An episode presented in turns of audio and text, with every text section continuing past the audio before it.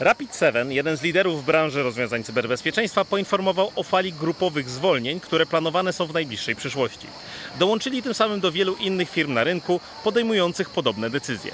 W przypadku Rapid7 mowa o prawie 1 piątej załogi, co daje około 500 pracowników, więc no, brzmi to dość poważnie. Planują także zamknąć niektóre ze swoich biur, ale tutaj nie poznaliśmy więcej szczegółów. Te informacje tym bardziej mogą zaskakiwać, bo ich wyniki finansowe za drugi kwartał pozytywnie zaskoczyły rynek, skutkując dość sporym wzrostem cen akcji na giełdzie.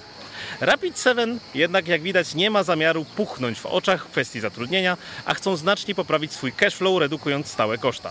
Jest to też pewnie pokłosie ostatnich przejęć w branży, których dokonali. Ciekawe tylko, czy nie będzie to miało negatywnego wpływu na ich potencjał wzrostowy w najbliższych miesiącach i latach. Cóż, czas pokaże, czy była to dobra decyzja.